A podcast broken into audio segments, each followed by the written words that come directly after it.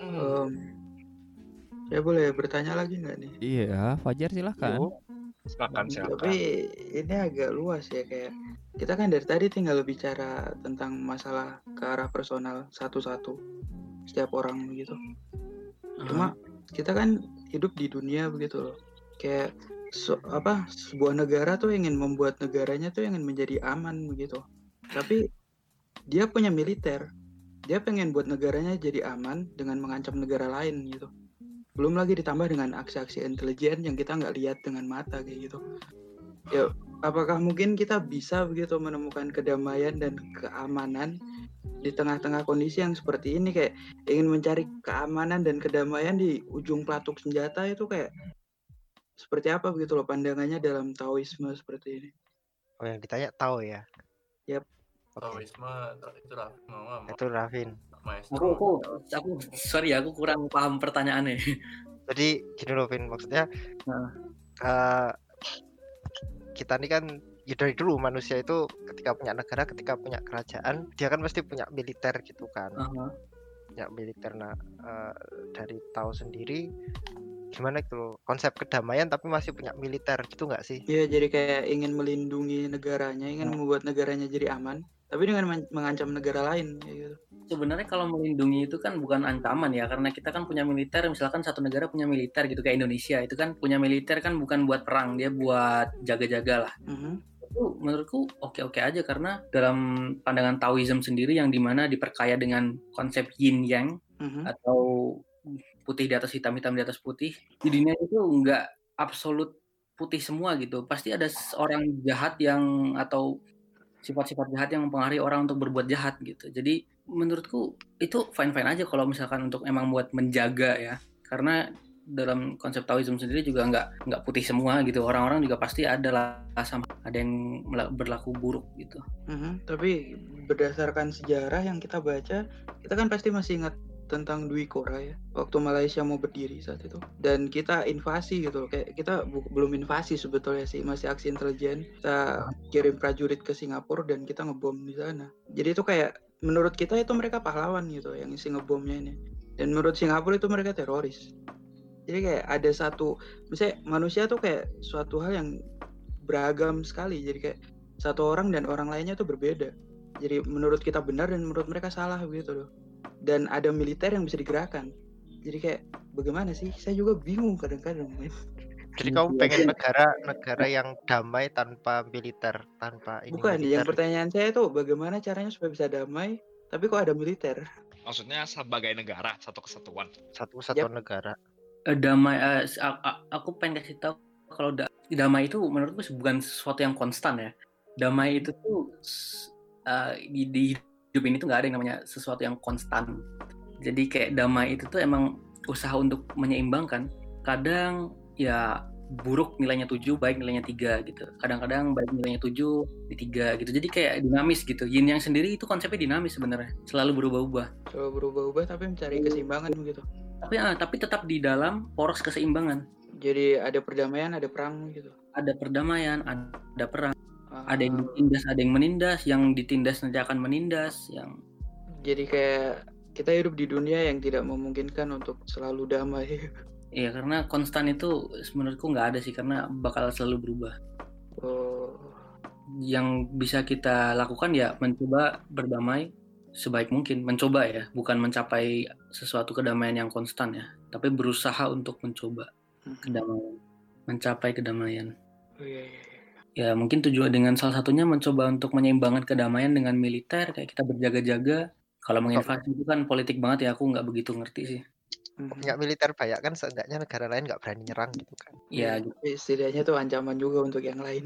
iya secara nggak langsung Ya, sih iya. secara nggak langsung sih Cuma kalau cuma kan sebagai negara maksudnya negara sebagai sebagai suatu negara mereka juga pasti apa ya apa sih bahasa Indonesianya ragu-ragu rel relaktan relaktan atau semacamnya untuk nyerang negara lain gitu loh dengan mereka kan pasti dapat sanksi dari negara lain entah itu nanti kena apa namanya apa sih bahasa Indonesia kena Embargo. embargo wah luar biasa kamu gitu dong real Lu kok jadi Ya gimana maaf atuh Del. Kena embargo itu kan bikin negaranya juga jadi tidak damai gitu loh. Ya, ya, ya. Maksudnya yang sebetulnya yang jadi dasar pemikiran saya menanyakan hal ini sebetulnya karena negara itu sebetulnya yang megang manusia juga. Kayak keputusan dari satu negara tuh yang megang manusianya juga. Jadi kalau kayak bagaimana ya? Ya Taoisme ini kan membahas tentang konsep untuk manusia juga, bukan konsep sih kayak sebetulnya lebih ke arah ajaran begitu untuk manusia juga. Maksudnya bagaimana sih kayak Aduh, saya juga kadang bingung sih. Aduh, gue ngomong apa sih? Sorry ya. Iya, memang pembicaraan ini banyak yang abstrak kok, Jar. Tenang Iya. saja, tenang saja. Mhm. Saya kadang bingung. Eh, ada yang bilang gitu ya. eh, ada satu guru bilang gini. eh, keadaan di Bye-bye. keadaan di mana kita bingung itu adalah keadaan di mana kebebasan kita yang kita yang punya gitu kita tuh jarang menghargai kebingungan kita tuh pengen selalu ada di satu tempat gitu padahal ibaratnya gini deh analogikan kalau kita jatuh ke lubang yang tanpa dasar. Kalau itu lubangnya tanpa dasar pas kita jatuh enak kan? Kayak terbang melayang gitu kan? Nggak nggak khawatir ya kan? Kalau itu lubang ada dasarnya matilah kita gitu kan? Makanya sebenarnya kebingungan itu pertanda baik. Jadi jangan khawatir untuk bingung. Karena di situ kamu punya kebebasan untuk memilih. Asik bijak banget. Luar biasa. Gila gila gila. saya saya mungkin mau berkomentar sedikit Oh, karena kaitannya dengan politik tadi itu contoh yang bagus sekali. Eh, pertama saya coba ambil sudut pandang eh, Buddhism lagi dan mungkin juga sedikit stoik karena tadi stoik juga. Jadi eh, kita ada dua ada dua tingkatan kedamaian tadi di diskusi tadi. Yang pertama kedamaian dunia.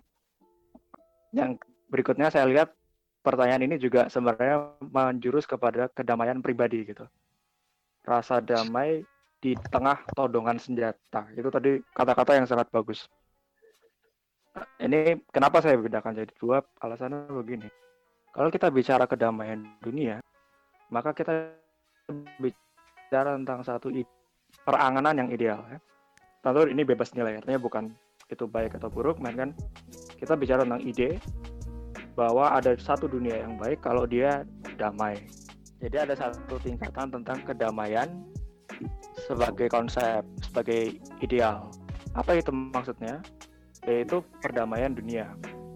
Yaitu situasi di mana kita mengadakan satu ideal bahwa dunia yang baik adalah kalau dia lepas dari senjata. Tidak ada perang, tidak ada todong menodong, kira-kira begitu. Tapi kemudian ada level yang lain sebenarnya, yaitu kedamaian pribadi. Maka tadi saya suka sekali kata-katanya. Jadi kedamaian pribadi. Situasi di mana kita itu menemukan kedamaian pribadi di tengah todongan senjata. Pertanyaan kalau yang pertama, yang di tingkatan pertama, eh, dunia yang bebas dari perang, dunia yang bebas dari perdamaian, itu kita bicara ideal. Ideal kemungkinan tidak akan tercapai. Sep- Sepanjang sejauh saya membaca peradaban manusia ini, saya tidak mungkin yang namanya ideal itu tidak bisa dicapai. Tetapi itu bukan alasan untuk tidak mengusahakannya. Itu menurut pendapat saya. Jadi kita memang mesti berusaha menciptakan dunia yang lebih baik. Tetapi kalau kita bicara tingkatan yang kedua, yaitu kedamaian pribadi di tengah todongan senjata gitu tadi ya. Yep. Karena ini saya mengalami cerita langsung dari orang yang hidupnya berhadapan langsung dengan todongan senjata dan berusaha mencari kedamaian yaitu saya sempat berkenalan dengan pengungsi dari Syria. Itu sulit sekali karena dia trauma. Dan itu bikin saya merenung. Kalau dari sudut pandang ya beberapa yang saya kuasai ya. Pertama saya coba dari sudut pandang Buddhisme. Eh, untuk bisa menemukan ketenangan sejati, kedamaian sejati, dan kata kunci adalah kesejatian ya. Kata kuncinya itu. Jadi kalau kita mau mencari yang sejati, maka sebaiknya kita tidak mencari di sesuatu yang berubah-ubah. Itu prinsipnya. Mungkin di Tao juga sama. Memang hidup ini mengalir. Jadi kalau kita beracuan pada sesuatu yang senantiasa berubah, yang bisa muncul dan suatu hari menghilang, maka kita akan kecewa. Jadi kalau misalnya kita tadi ya contoh ditodong senjata, sebenarnya kita apa kita harus ngerti dulu takut mati oh pasti mati jadi kalau kita definisi kedamaian pribadi kita di tengah pedoman senjata ini adalah tidak mati itu pasti kecewa pasti stres kalau kita harapannya di tengah todongan senjata ini yang disebut kita damai adalah orang nggak ngomong kasar, orang nggak akan ditodong senjatanya. Dan dalam kasus kenalan saya ini yang berhasil lari dari Syria, istrinya ditembak di depan matanya. Kalau definisi kedamaian adalah istrinya itu nggak ditembak di depan matanya, dia kecewa, dia stres. Lalu terus apa yang tidak berubah, apa yang tidak akan istilahnya yang tidak akan hilang gitu ya. Nah, itu yang sulit dan harus dicari orang. Artinya, misalnya tadi ada yang dibahas tentang hawa nafsu. Nah, hawa nafsu sendiri itu, karena tadi juga sempat dibahas tentang satu paradoks ini. Nah, kemudian dibedakan memang ada hawa nafsu yang tidak bermanfaat, yaitu hawa nafsu yang membawa kita pada penderitaan, pada timbulnya penderitaan. Tapi ada juga hawa nafsu yang dianggap usaha atau niatan atau motivasi yang dianggap bermanfaat untuk menghilangkan penderitaan atau menghilangkan sebab penderitaan berduka. Nah, dalam hal ini memang ini contoh yang bagus sekali kalau kita ditodong senjata menemui dunia kita di dalam perang. Apa yang bisa kita lakukan untuk menemukan kedamaian? Nah, salah satunya adalah untuk mengenali sebenarnya apa yang terhadap referensi apa kita bisa menggantungkan harapan kita sesuatu yang tidak berubah misalnya kenyataan bahwa walaupun dunia itu sangat kejam tetapi rupanya tindakan kita itu bisa dipilih bahwa manusia bisa memilih untuk membunuh atau tidak misalnya jadi kedamaian ini misalnya baiklah kalau saya harus ditembak saat ini itu saya nggak bisa hindari saya mati. Tapi setidaknya saya bukan orang yang menembak. Saya tahu saya bertindak dengan terhormat, dengan panduan etika yang saya tahu. Nah, lagi-lagi orang nggak bisa lupa kalau bicara Buddhisme, eh, pandangan tentang reinkarnasi, tentang karma, hukum karma. Setidaknya saya bukan orang yang membuat tindakan yang nanti kalau saya terlahir kembali atau uh, di kehidupan berikutnya itu membuat saya makin menderita. Paling tidak itu, itu memberikan kedamaian, misalnya. Maka kalau dari sudut pandang stoik juga sama, mirip dari sisi praktikalitasnya ya. Saya tidak bisa membuat teroris berhenti menodong saya. Saya tidak bisa membuat istri saya tidak mati. Saya tidak bisa, dan ini dianalisis terus kalau dari sudut pandang stoik. Saya tidak bisa tidak merasa takut misalnya. Saya pasti takut saya tidak bisa tidak merasa marah. Saya pasti marah. Nah, terus bisanya apa? Tidaknya, kalau saya harus mati saat itu, saya mati dengan berusaha menenangkan diri. Ini kalau stoik pendekatannya gini. Maka salah satu yang saya sering tanamkan gitu ya, kalau saya mau pakai metode stoik itu, kata-katanya Marcus Aurelius. Marcus Aurelius ini kan kaisar Roma ya. Hidupnya itu super stres pasti. Saya bayangin dia itu seperti Donald Trump mungkin ya.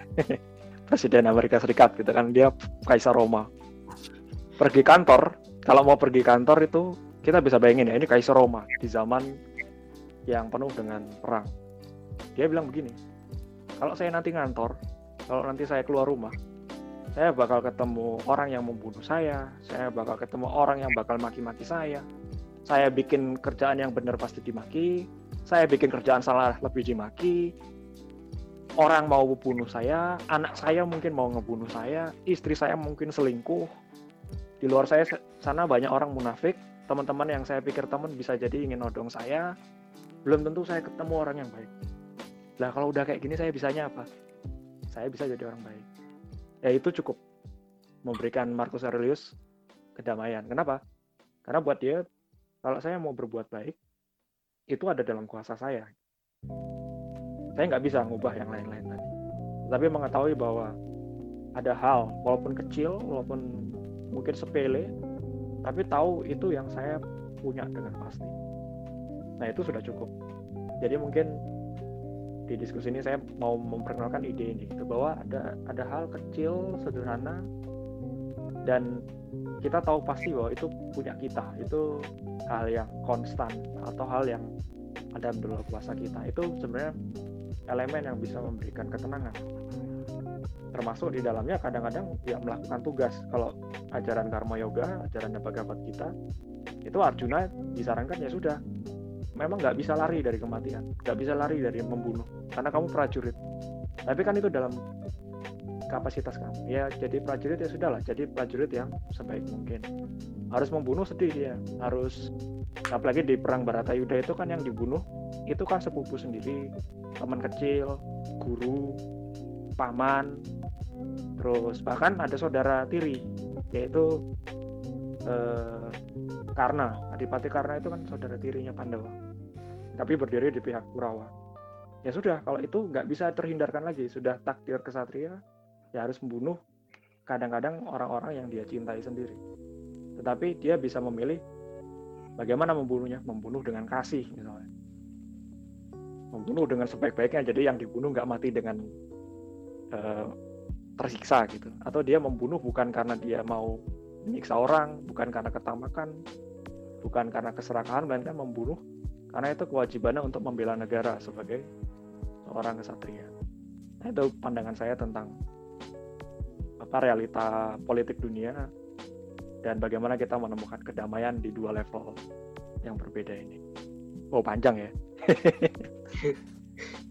Terharu lah aku dengerin. oh jangan nangis. Saya juga ngawur-ngawur kok. Emang susah ya mencari secercah harapan. Oh nggak gampang Enggak, enggak. Ini tanya Mbak Rima ini ke realita kehidupan office lady OL loh. Itu yang semua saya ceritain tadi itu sebenarnya saya membayangkan kehidupan Mbak Rima. di disclose ya betul soalnya saya berhadapan dengan banyak politikus ambasador-ambasador menteri-menteri ini jadi disclose ini Ya nggak apa-apa kan sharing-sharing kan ini kan udah versi bebas. Iya. Bebaskan weh gitu kan. Iya, tapi ya gitu jadinya penyakit mental jadi gila alias gila Korban alienasi. Wah, Iya. ada Fremdung ya. Framingnya Remdung. memang Ya tapi menurutku ya itu kayak manfaatnya kan berdiskusi tentang hal ini kan kayak menghubungkannya menurut saya yang paling penting mau kehidupan sehari-hari gitu. Iya. Semua orang pasti kan merasakan apa stres. Ya menurut saya nggak bisa di nggak bisa di beda-bedakan gitu kayak oh aku nggak stres dia menurut saya stres ya stres gitu mau sebagai pahlawan Starfest maupun tender 2 juta euro gitu buat saya stres adalah stres Iya. jadi nggak nggak bisa bisa dipukul rata begitu jadi ya kita harus ya ini apa saling sharing ide saling sharing pengalaman supaya apa kalau yang saya suka itu salah satu pesan dari salah satu mentor saya tuh ya itu. Kalau kamu mau sukses katanya yang ngumpulnya sama orang-orang yang bermanfaat lah gitu kira-kira. Saya itu klise ya itu ya kita sering dengar gaul sama yang benar. Ta- tapi setelah kamu eh setelah kamu lagi setelah saya makin tua gitu ya. Lama-lama itu ternyata saran yang benar. Pada akhirnya ya kalau mau cari damai ya ngumpul sama orang-orang yang mau ngom- ngomongin perdamaian gitu. Istilahnya gitu kalau di luar sana orang kan mungkin kipuh gitu. Iya makanya kita kalau ada waktu selalu ngedengerin terus kan. Enggak enggak. Kita selalu ngedengerin ya. Iya, kalian selalu mendengarkan. walaupun walaupun di S-Bahn Walaupun tadi kalian di jalan.